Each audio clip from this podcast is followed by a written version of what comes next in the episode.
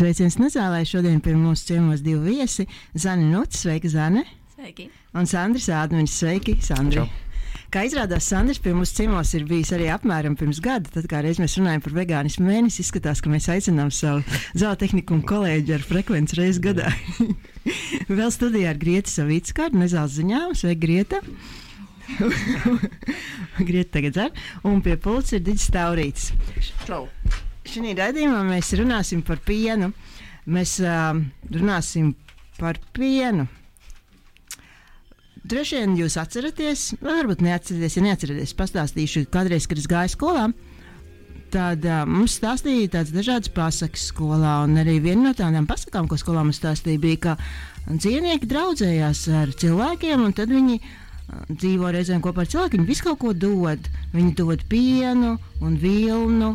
Un tad viņi dod arī gāļu, un tad viņi dod iekšējos orgānus. Viņi ir laimīgi, tāpēc, ka viņi sadarbojās, un vēl viņi dzīvo tādās zaļās pļaviņās, viņi ganās. Un, un, Un, jā, un, un tas ir nu, nu, tāds priekšstats lielākoties cilvēkam, ir, kad aiziet cilvēki uz veikalu un vēlas iegādāties piena produktus, tad viņam tā kaut kur tādā, nezinu, smadzeņu kādā nostūrītī ir tā ainava ar to zaļo pļāvu, ar laimīgām gotiņām, kas ganās un laimīgi dod pienu, jo tāda ir lietu kārtība.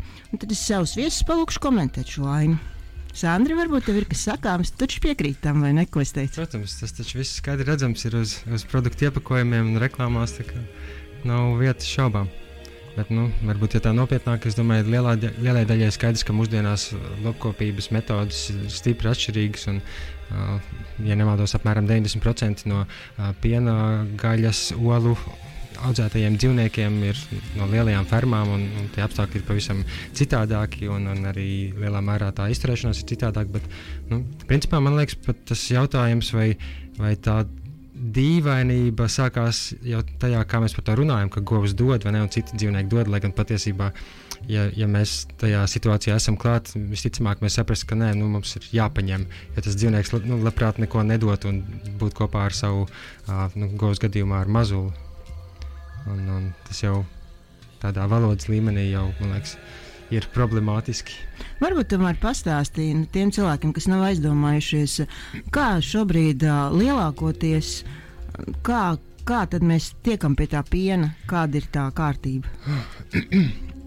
es Es esmu, es neesmu vetārsts. Es esmu par šīm tēmām interesējies tikai kā cilvēks, kam, kam rūp par dzīvniekiem notiekošais un kas grib par to runāt atklātāk un vairāk, un grib, lai, lai ir caurspīdīgākas tās ražošanas sistēmas. Un, un bieži vien to ir pat grūti noskaidrot, kas tad reāli ir notiekošs. Cik, cik ilgi, piemēram, govī ļauj dzīvot līdz viņa nokauj. Un piena govs nav jau nekur govju pansionāts, kur ļauj govīm sirmām, tur, kas ir nopelnījuši vecumdienām sev aprūpī tās govs. Bet, nu labi, sākšu no sākuma. tad tad parasti ir tā, ka jaunā govs radās pēc mākslīgās apsēklošanas. Mūsdienās jau neviens, es domāju, lielākoties būli neved pie govs, un, un līdz ar to tās govs Cik es zinu, vetārsts atbrauc un, un, un inicē hormonāli kaut kādu tur, uh, preparātu, kas sinhronizē govju hormonālo ciklu, Es domāju, ka tas ne, tā visur nenotiek, bet tas liekas arī loģiski. Līdz ar to viņas jau ir kā, meklēšanās uh, fāzē, pēc tam, kad nākamreiz vetārs atbrauc, visas vienlaicīgi, un tad ir arī, viņas arī mazāk pretojās. Jo ir redzēts arī bildes, kur govs ir piemēram piesiet kaut kur ar, ar galvu pie, pie stāba kaut kāda, un tad notiek tā mākslīga apsēklošana. Bet es domāju, mūsdienās ir vieglāk to izdarīt viņām, to hormonālo ciklu sinhronizējot. Tad tiek uzvilkts cimds rokā, roka tiek iebāzta anālajā atverē, lai tur uh, uh, es varu parādīt bildīti. Kā tas notiek, jau var redzēt. Tiem, kas klausās radio, tie neredzēs, bet tiem, kas skatās Facebook, vai arī teiks, klausās radio, Facebookā var nostīties. Būtībā varat iegūt uh, artificial insemination, kau vai govs mākslīga apsēklošana. Starp citu, Rojas Rodžers, uh, daudziem zināmais ar to vienā TV šovā nesen nodarbojās, daudz droši vien redzējuši. Būtībā ja, ja viena roka tiek iebāzta anālajā atverē, un uh, otrā rokā ir tāda maza trubiņa, caur kuru uh, buļļā sperma tiek ievadīta uh, govs uh, uh, vagīnā, un, un pēc tam 9 mēneši, tāpat kā cilvēkiem, grūtniecības laiks. Tad piedzimst mazulis, kurš ir vai nu būlīts vai, vai tele, un atkarībā no dzimuma, tad vai nu ja, ta, ja tā ir tēle, tad viņa tiks. Kļūst par slaucamo govu, ja tas ir būlīts, tad viņš tiks pārstrādāts teļa gaļā, jo nu, no buļļa nekādu labumu tur tādu kā no govs nevar izslaukt. Un pēc tam, uh, kā jebkuram zīdītājam, dzīvniekam sākās laktācijas uh, periods, uh, zīdīšanas posms. Un, uh, lai, lai ražotu pienu, teļš tiek aizvests prom. Reizēm teļam ļauj palikt kopā ar māti, un, un tad mēdz izmantot tā saucamo pretzīšanas gradzenu. Var, var iegūt arī to, var Latvijā nopirkt par, par pāris eiro tāds degunā iesprāžams se, septums ar, ar, ar asumiem. Būtībā, lai teļš, tad, kad pietuvojās mātes uh, tesmenim un grib zīst, tai mātei ir nepatīkami. Es parādīšu arī ekrānā. Tādu var nopirkt par 3 līdz 5 eiro arī Latvijā. Un, būtībā to ieskrūvē teļam degunā, un tad, tad var, viņam var ļaut arī ar māti kopā pabūt. Vienkārši viņš nevarēs zīst. Uh, bet bieži vien to teļu vienkārši aizveda prom, aizved no mātes, nu, savā ziņā diezgan vardarbīgi, jo tā māte pēc tam sauc uh, to teļu un, un, un mauj diezgan izmisīgi. Un, un tad tos teļus ievietot tā sauktajos boxos, tādā plasmas maiņā, kur viņi audzēja pāris mēnešus, ja tas ir būlīts. Arī Latvijā tos boxus sāk izmantot arī parādīšu kamerai. Un, uh, jā, es jau stāsts jau tagad ir garš, tā kā es mazliet atvainojos, bet uh, var arī YouTube atrast video par to, kā māte, govs māte sauc pēc, pēc uh, mazuļa. Būtībā tas notiek pāris dienas.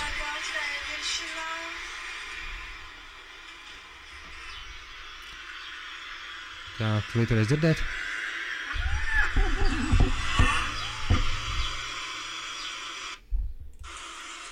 Nu jā, katrā ziņā pāris dienas govs meklē savu mazuli, ilgojās pēc viņa, viņai mācības instinkts jau ir attīstījies, kamēr mazulis vēl, vēl nav pat piedzimis. Būtībā tādam ciklam apsēklošana, grūtniecība, dzemdības, laktācija, govs tiek izvests cauri pāris reizes savā mūžā, un tad viņai jau tā piena daudzums sāk kristies, un, un uh, saimniekiem, audzētājiem jau tas kļūst neizdevīgi, ja vienlaikus var dabūt jaunu govu, kas dod vairāk piena. Un tāpēc Lai gan govis var nodzīvot apmēram 20 gadus, ja nemaldos, tad piena rūpniecībā viņām ļauj dzīvot nezinu, kaut kādus 6, varbūt gadus, varbūt mazāk pat nu, īsumā tā. Un, un gal galā tā govs, arī tā slauktā govs, nonāk tajā pašā lopkautuvē, kur visas gaļas govis un cūks. Huh, es nebiju domājis, ka es tik gars to stāstīšu, bet paldies, ka, jā, ka klausījāties. Un, nu, Tie visi ir fakti, ko es esmu uzzinājis par to interesējoties. Varat nočekot, ja jums ir rodas šaubas.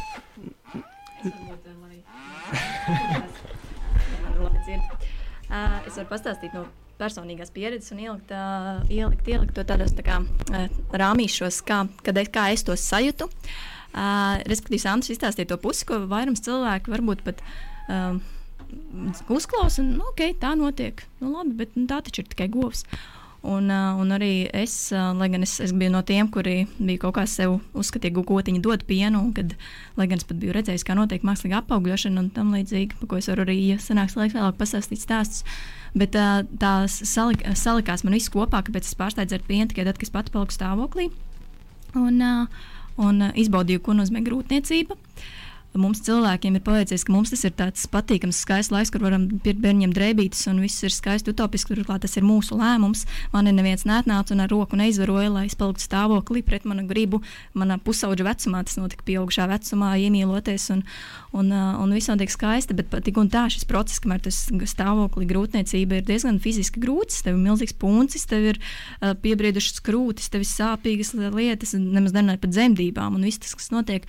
Un tad ar vien vairāk nu, tu sāc saskatīt kaut kādas kopainas, piemēram, ieraugot kādu video vai ieraugot kādu bildi, un tu sāc domāt, pagaidi, tā govī nekas neatšķirās. Tā govs taču arī izbauda tieši tās pašas sāpes, tās pašas mokas, tikai, tikai tas, ka viņai vēl to bērniņu atņems. Un, un tad, kad es kļuvu par māti, un pati sāku zīdīt savu bērniņu, un, un, un sapratu, kāda saikne ir, kāda mīlestība, kas, tas ir kaut kas Tas ir to saprot tikai mātes, kuras bijušas, kas notiek tajā brīdī, kad tev piedzimst tas bērniņš, kas notiek tajā brīdī, kad bērniņš tev zīž to krūti, un, un kāda tā pieķeršanās tajā pasaulē neeksistē nekas cits. Tas tiešām tas gadījums, ka mātes spēja pacelt kravas mašīnas, tāpēc, ka kaut kas viņas zīdē nevarētu notikt.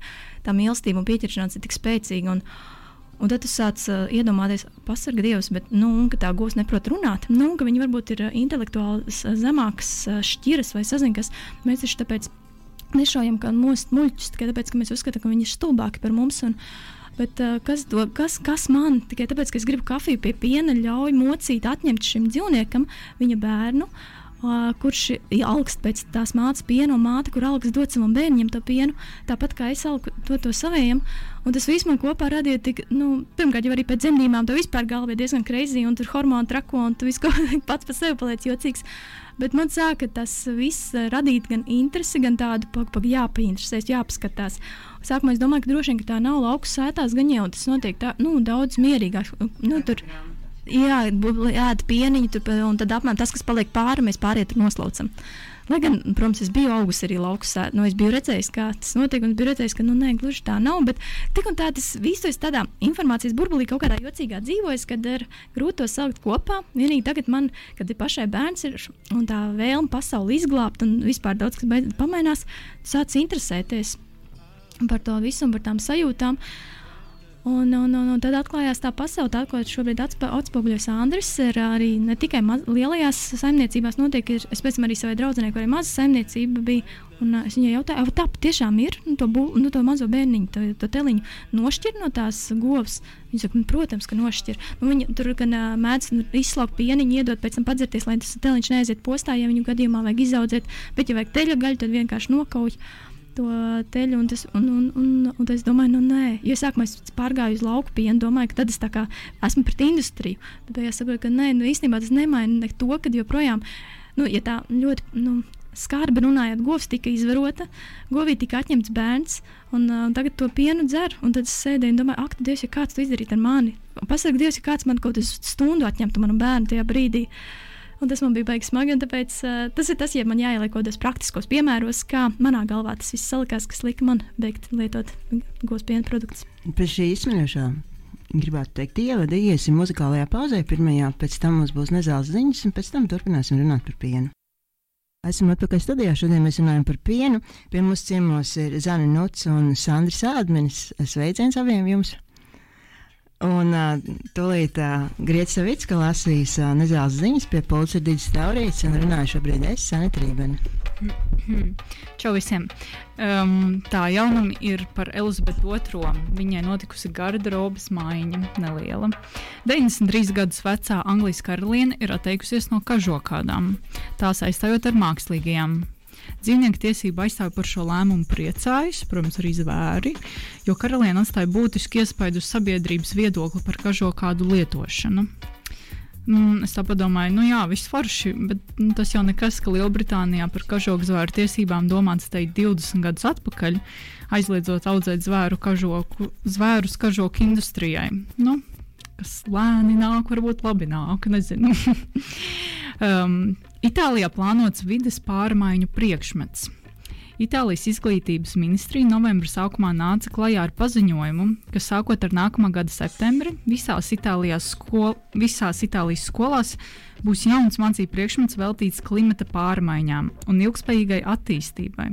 Priekšmets būs obligāts visu klašu audzēkņiem, un kopā mācību gada laikā būs 33 šādas mācību stundas. Tādējādi Itālija kļūs par par pirmo valsti pasaulē, kura klimatu pārmaiņas padarīs par daļu no obligātās izglītības.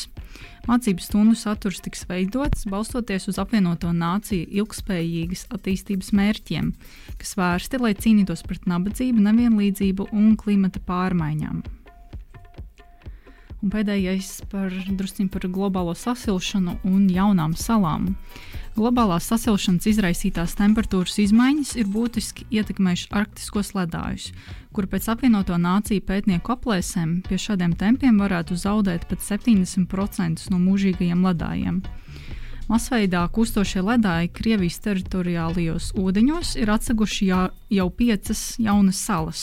Tās pirmo reizi reģistrētas satelītu uzņēmumos 16. gadā un oficiāli iezīmētas kartē septembrī veiktas ekspedīcijas laikā.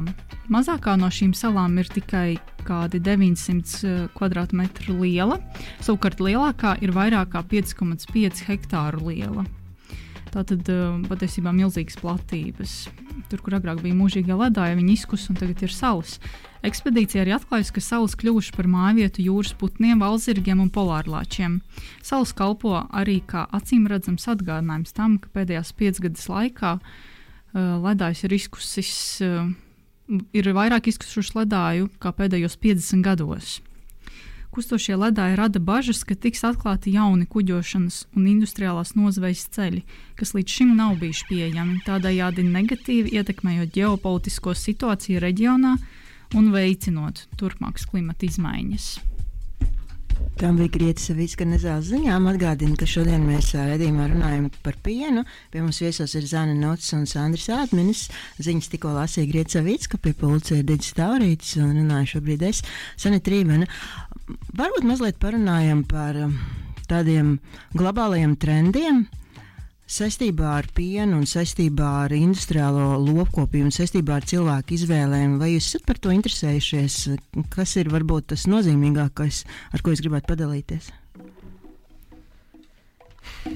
Viņi saskatās no pušas. Nu, man, es esmu joprojām sajūsmā par uh, vasarā. Uh, žurnālā ir bijušo rakstu, kas saucās uh, Gaļēdāja noriets, ja nemaldos, vai, vai kaut kas tamlīdzīgs, vai mī, Gaļēdāja mīkrēslis. Un tur bija uzskaitījis uh, Ozoliņš, žurnālists, man liekas, nu, tāds štata uh, ir.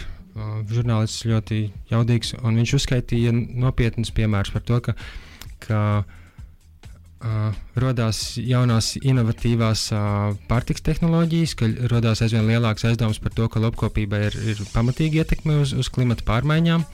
Uh, pat milzīgie fast food ražotāji iekļauj aizvien vairāk tādas vegāniskas, uh, bezdzīvnieku produktu opcijas savos piedāvājumos.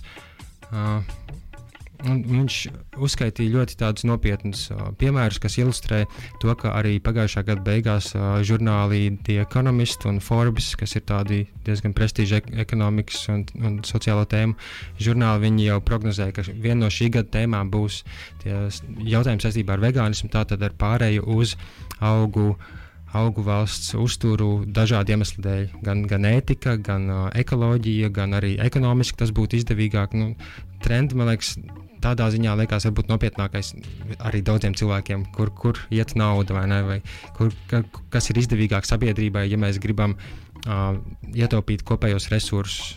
Un, un, protams, klimats un, un nākotne. Nu, to, to nevar naudā izteikt. Mums nav ne jausmas, cik tas dārgi izmaksās, ja mēs tagad nepiebremzē, nepiebremzēsim, cik nu, varam tos klimata pārmaiņas.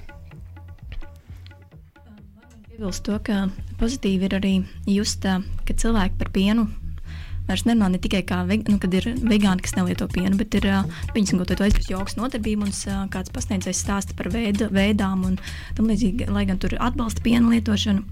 bet arī tur māca, ka kāds saka, nevajag lietot tajā laikā saldējumus, jo tur izveidosies gļotas, kas tur neko nepārzina to pasauli, bet tu bet, arvien vairāk piemini to, kāpēc piena produkts šajā posmā nēst, vai kāpēc to nedarīt to.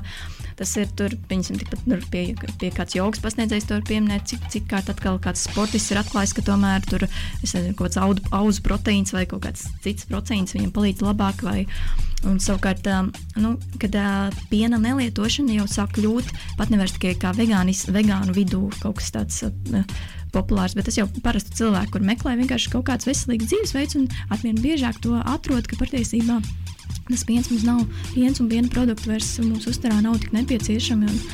Un, un, un, un, un ir aizvietojami un daudz viet pat, dažkārt pat kaitīgi par to būtu mans nākamais jautājums. Man liekas, mēs paskatījāmies pagaidām no diviem vai trim leņķiem. Viens būtu tas, tas kā nu, informācija tiek stāstīta sakropļotā veidā. Nu, manuprāt, cilvēkam, ja viņš kaut ko izvēlas lietot, viņam tomēr jāzina patiesība. Ja cilvēks ēd gaļu vai dzer pienu, tad labāk sev nemānīt ar muļķībām, nu, ka dzīvnieki to dod un labprātīgi un ganās zaļā pļaviņā. Nu, ja tu kaut ko dari, tad esi drosmīgs un atzīst, kā tas notiek.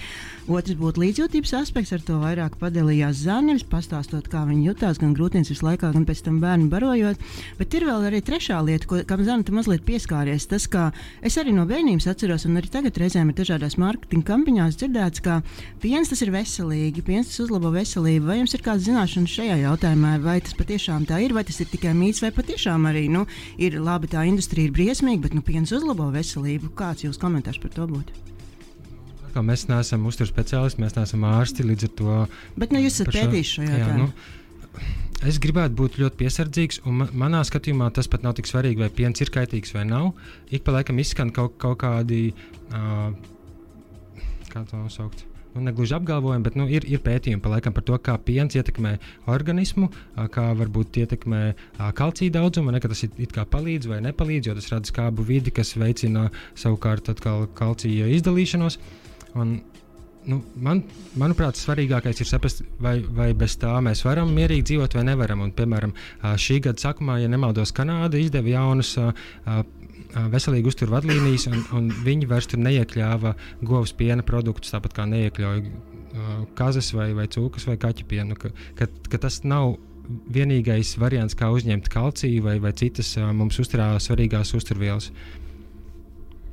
Tā kā atkal es neesmu uzturu speciālists un vēl tālu ir zinā, no zināšanām par uzturu kaut ko pamatotām.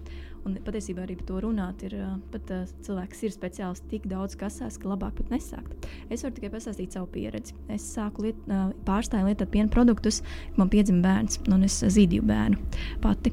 Līdz ar to tas ir ļoti riska kategorija. Tas ir tā ir grupa, kur parasti mūs aicina lietot vēl vairāk un uzņemt visu vairāk, jo bērns tev izzīž vēl pašai laukā tos tavus vitamīnus, un tad mammai, lai, uh, lai, lai, lai saudzētu savu veselību, ir jāpiedomā tur tieši pie gaļas, pie piena. Es, vismaz, es kā grūtniece, kad es biju grūtniecībā, man ļoti spieda, tāpēc arī tas bija viens no iemesliem, kāpēc pārstājis man ļoti spieda ēst gaļu. Man tik slikti palika, kad pēc grūtniecības es vienkārši nespēju, ka pēc bērnu piedzimšanas bija slikti no gaļas jau. Un tā es pārstādām ēst, arī pārstāju lietot pārējo piena produktus. Nu, lūk, un, un tad uh, es biju ļoti nobijusies. Es, kad, uh, es tagad ne, nu, man, ne, man psiholoģiski nespēju dzert to pienu, bet es saprotu, ka man taču vajag viņu. Nu, visur taču saka, ka vajag. Un man tiešām bija bail, un tāpēc es gan saviem ģimenes ārstiem visiem vienmēr brīdināju, reiz, ka es esmu vegāns, es esmu vegāns, es dzīvoju bērnu, lūdzu pārbaudiet. Man ārsts arī deva analīzēm, sūtīja, visu pārbaudīja. Un, un pārsteidzošā kārtā viss bija lieliski. Es pirms tam nodevu kā grūtniece, uh, un, un, un uh, daudz analīzes man bija sliktas. Tad es pārstāju, un, protams, es izmainīju savu ēdienu karti. Tur, cik vien internetā spēju pati izprast, to es tur iekļāvu visādīgus citus aizstājēju produktus, tur pupiņas un, un visādīgas salātus un tam līdzīgi, ko es agrāk pārstāju veidu, cepts kartupeļs, kotlete un kaut kāda mērce, nu, nu, vai frī kartupeļa vai kaut kāds uh, kafejnīcas pārtika. Nu, tā, tagad man kļūst diezgan veselīgāks. Nu, lūk, un teikt, man pagājuši divi pusi gadi, gan arī trī, trīs gadi, kopš nelietoju piena produktus. Un, uh, es ļoti ilgu laiku zīdu bērnu.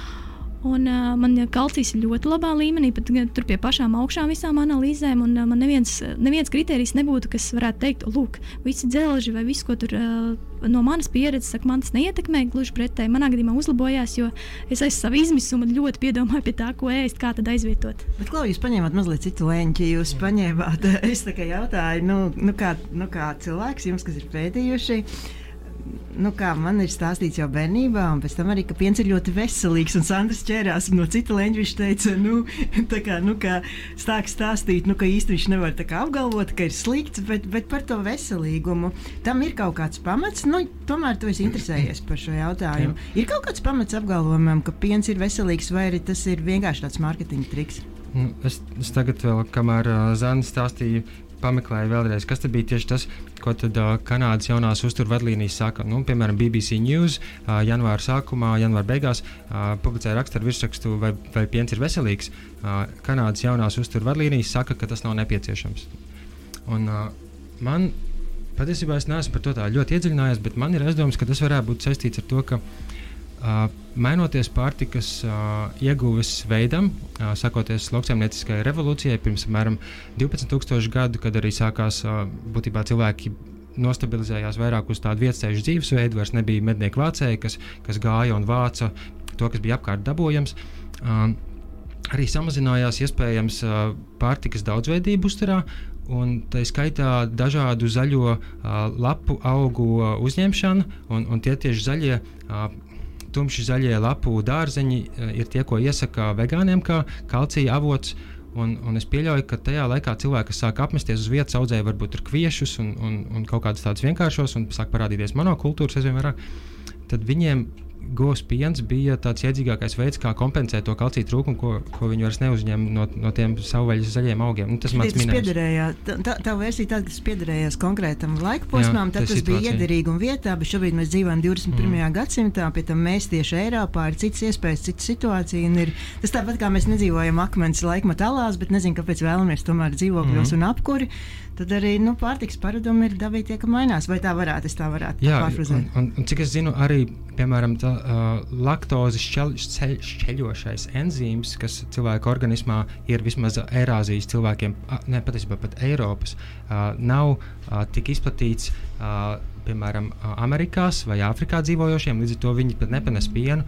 Tas ir attīstījies samērā nesen ģenētiski, tas, tas enzīms. Visvairāk viņš francūžiem ir aktīvs.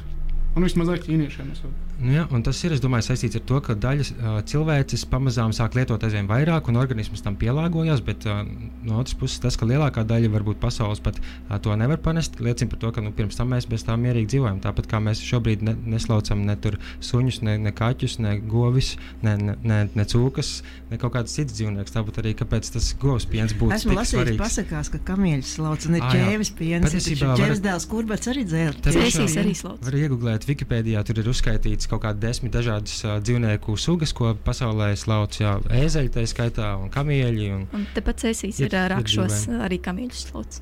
Mm. Ir kamieļu piena pankūks. Ir samērā daudzveidīgi, bet vienlaikus, nu, ja mēs iedomājamies, teiksim, slaukt ziloni vai, vai, tur, vai patiesībā pat slaukt patiešo no govs, nu, bišķiņ kreizī, man liekas. Iesim otrajā muzikālajā pauzē, un pēc tam turpināsim sarunu par pienu. Es paceļu roku, viens nejaušs žests, un pazūd elektrība, visā pasaulē. Esam atpakaļ studijā. Šodien mēs runājam par pienu. Pie mums viesos ir Zana Nuts un Sandra Sādminis ar nezāles ziņām. Nesen kā uzstājās Grieta Savicka un pie pults un mūzika liek ir Digits Taurīts. Un šobrīd runājas Sanita Rīvena muzikālā pauzē. Mēs apmainījāmies ar replikām, ko mēs varētu vēl skart šajā raidījumā, kas, diemžēl, nav 24 stundu ilgs, bet nu, ar tādu daudz ierobežotāku termiņu. Un tad mūsu viesis uh, ierosināja, viens viesis ierosināja, ka tā varētu būt, tās varētu būt tradīcijas, un otrs viesis ierosināja, ka mēs varētu vairāk parunāt par bērnu grāmatām. Es to visu atļaušos apkopot, un tad varbūt manā skatījumā tas izskatās pēc tā, ka viens ir nu, tā reālā fiziskā vide, nu, kur ir reāli. Tur ir dzīvnieki, ir cilvēki, ir kaut kas, ko mēs ēdam, ir kaut kas, ko mums kāds dots vai nedod, vai atņemam vai neatņemam, un dažādi par to izturamies. Un tad ir tā semantiskā pasaule, mitoloģiskā pasaule, ko mēs par to visu domājam, kā mēs par to stāstam stāstam stāstus, kā mēs par to runājam, ko mēs stāstam bērniem. Un, starp citu, zinu, Sandra, tu nosīt nesen piedalījies interesantā pasākumā, kur tu runāji tieši par valodu, par to, kā mēs runājam par dzīvniekiem un kā, kā tas ietekmē mūsu pasaules uztveru. Varbūt mēs varam sākt no šī rakursa. Nu jā, tur jau tas, ko es pieminēju par to, ka dod. Mēs sakām, ka dzīvnieki dod to visu, lai gan tas ir savā ziņā tāds efemisms. Un, un, un mēs bezmaz līdzīgi kā sakām, uh, meža veltes, sakām, jūras veltes, vai tur būtībā veltes no dzīvniekiem, ko mums dāvina labprātīgi. Un, un tas ir paredzēts mums, un tas tāda izpratne ierakstās tādā pasaules skatījumā, kur cilvēks ir, ir absolūtā centrā, un viss pārējais ir, ir kaut kāda dievišķā spēka radīts mūsu labklājībai, un, un viss ir absolūti pakļauts cilvēkam. Tas ir prieku, visi dod mums. Jā, bet. Uh, Nu, kur, kur tālāk iet vispār šajā stāstā? es tā līdz galam nesapratu kur tālāk ir šajā stāstā. Nu, varbūt tu vari dažus piemērus minēt. Es domāju, ka laba daļa cilvēka, protams, domā par to, ko mēs runājam, kā mēs runājam. Bet es domāju, ka daudziem ir citas prioritātes. Nu, es nezinu, varbūt darbs, varbūt bērni, varbūt kaut kādas privātās romantiskās lietas vai, vai, vai nezinu, kaut kādi ANO mērķi 2020. Bet, bet es nedomāju, ka visi aizdomājas par par, varbūt jūs varat minēt kaut kādus piemērus par to, kā mēs ikdienā lietojam dažādas frāzes un pat neaizdomājamies, kā tas ietekmē mūsu pasaules skatījumu. Nu, Es, es neesmu tik pārliecināts, ka tās frāzes uh, cieši ietekmē to pasaules skatījumu, bet nu, tās frāzes, nu, kas, kas man liek aizdomāties, un tādas mazliet jocīgākās, vai kas liek atcerēties, ka hei, pasaule ir mainījusies, kāpēc valoda nemainās līdzi, vai arī nu, tas ir ok, ka valoda saglabā pie, te, kaut kādos teicienos, piemēram, pirmie kucēni jāslīcina. Mēs joprojām tā sakām, lai gan, hei, kurš, kurš slīcina vēl kucēns. Es, es, es domāju, patiesībā laukos tas vēl joprojām notiek, bet kucēns slīcināšana jau desmit gadus vairs arī nav ar likumu atļauta, lai gan es esmu arī ar savu laiku paupīt bradājot atradis tur zeķu biksē. Vai tur tāds teiciens, ka divi zaķi ir viens šāviens? Nu, varbūt, varbūt tas nav tik, tik uh, ikdienā vairs svarīgi. Bet, nu. Ūdens kā piens. Man patīk, ka šī, šī redzējuma sakarā es pats izdomāju, ka piens nav tik balts kā to mālē.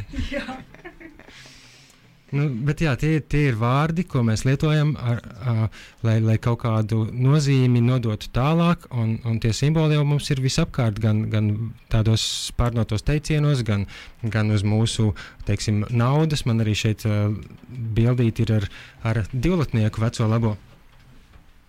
Viņš tagad rāda ekrānā, ja gribat redzēt, ja jūs klausāties, gribat redzēt, iet mūsu Facebook lapā tā, tad, un tur atrodiet video ar redzējumu. Tur bija govs virsū.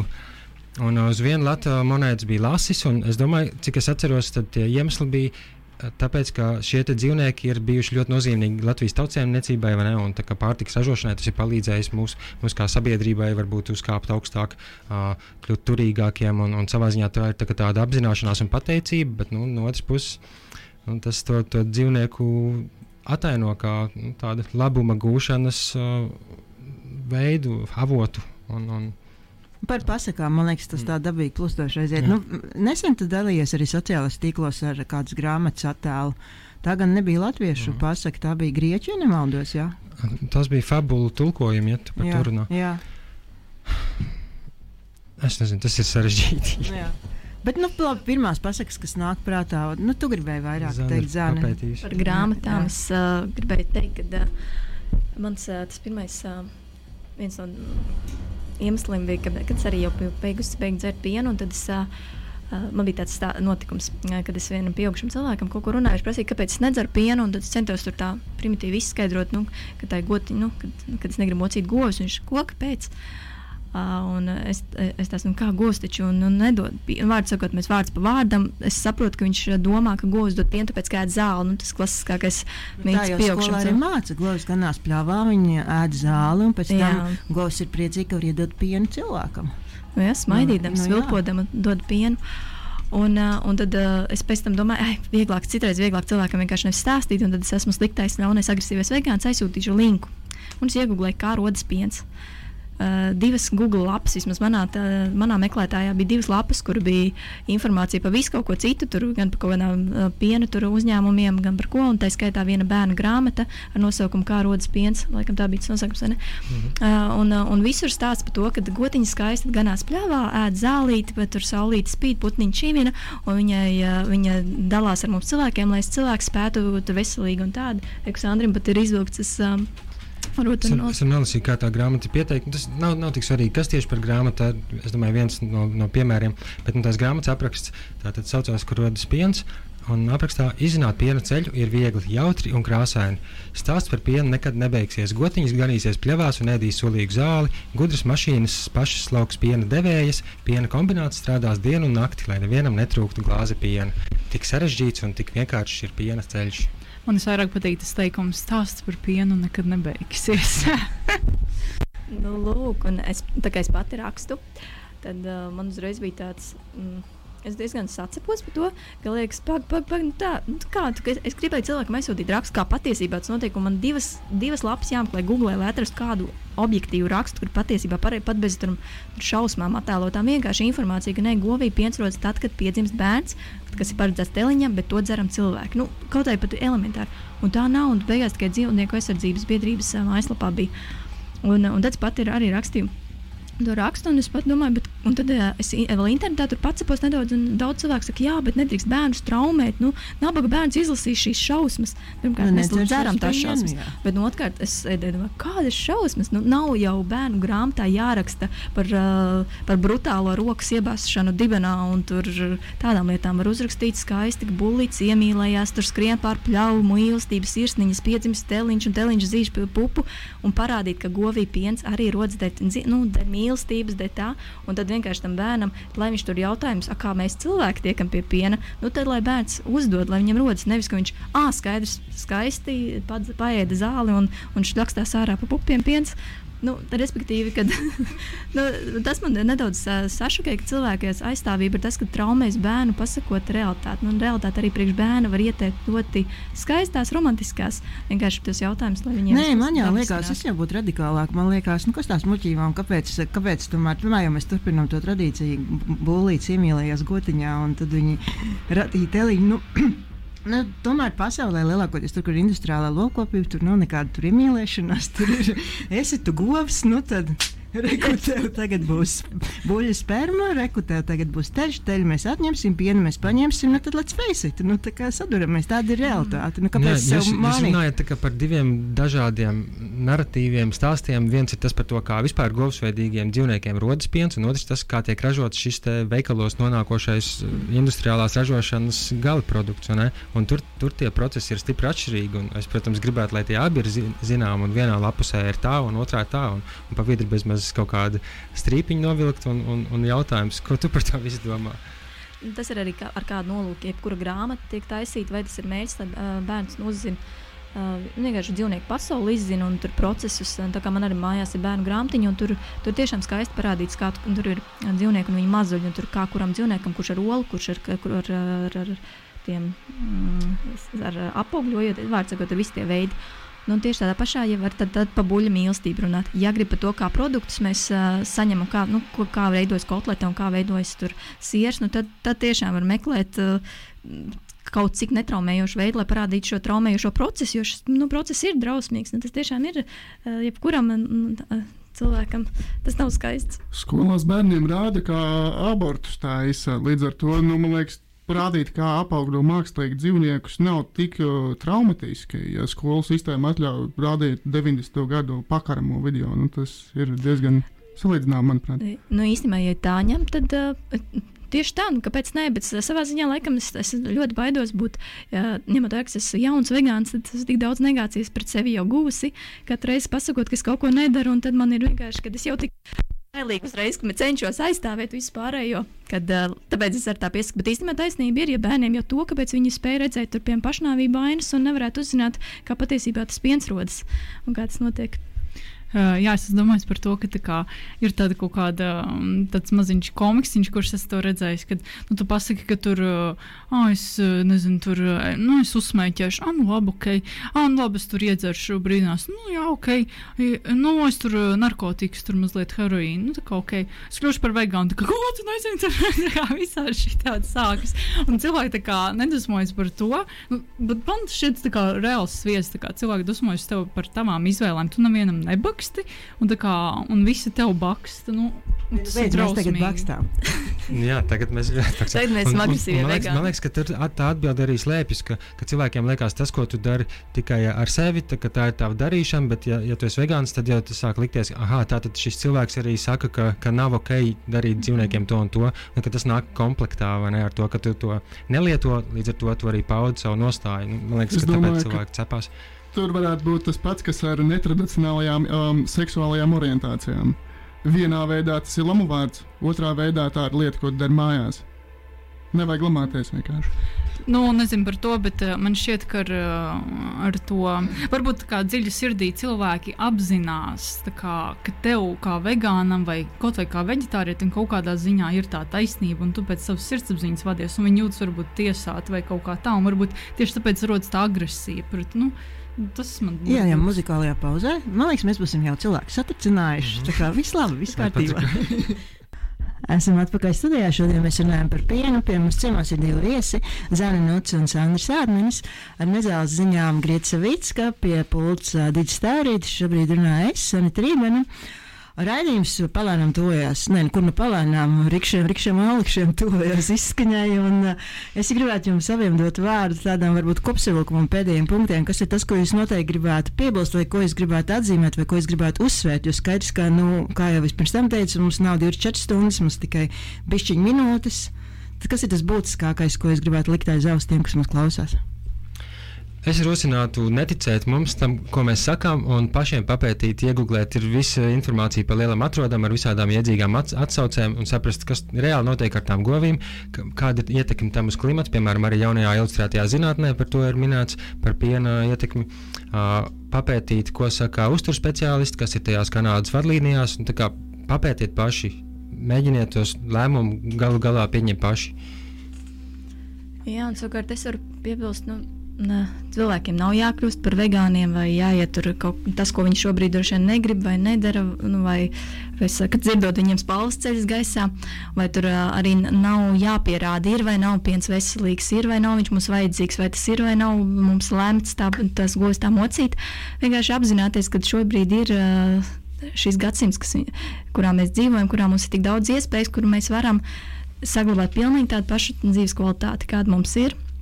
Un, bet ne, vienlaicīgi nenodarot ļaunumu arī vajag sāpes vai mokas pat, pat maznozīmīgākajam dzīvniekam. Tad, kāpēc, kāpēc tā nedarīt? Kāpēc, jo cilvēks neko nezaudē. Es vēl varu piebilst, man mugurā arī Germāns Sevi Krekliņš, bezkaunīgi reklamē. Mums pirms mēneša tieši bija akcija pie lopkautus, kur mēs sapulcējāmies, lai paskatītos tiem dzīvniekiem, ko var nokaut. Tur kaut kā tā gadījās, ka visas mašīnas, kaut kādas sešas, kas atbrauc ar dzīvniekiem, bija ar govīm iekšā. Un mēs runājām arī ar šoferiem, kas bija atveduši. Viņi arī tā teica, šī govis nedod pietiekami daudz piena, šis bulīts nedara uh, apsēklošanai, tāpēc viņi tiek vesti šeit. Un, un mums bija iespēja viņiem paskatīties acīs, tam tiem dzīvniekiem redzēt, cik viņi ir izbijušies, cik viņi ir, ir it kā draudzīgi un maigi, bet vienlaikus viņi apjauš, kas notiek. Un, un tos video var arī Riga Animālsēva lapā atrast, un tās ir piena govs tā ir daļa no piena ražošanas sistēmas, ko ļoti daudz neapzinās, neaizdomājās. Tā kā jums ir iespēja paskatīties pirms mēneša Latvijā filmētas govis pie lopkautus. Nu, mans novēlējums būtu. Dariet, protams, kā jūs gribat. Tā ir jūsu izvēle, jūsu dzīve. Vienkārši nu, nemelojam sev. Nu, ja šī pasaule ir nežēlīga un mēs tajā piedalāmies, tad vismaz nestāstam sev pasakas par saulainām zaļām pļaviņām un par radībām, kas mums visus sev atdod. Mums ir dažādas veltes no, no dažādiem dzīvniekiem. Nē, tās nav veltes, mēs to paņemam, nu tad dzīvojam ar to. Tad uh, tiekamies pēc divām nedēļām un nākamajā sestdienā mūsu kolēģi, viens no viesiem kā reiz uh, redzījums zootehnikums. Lai jums labdiena! Paldies,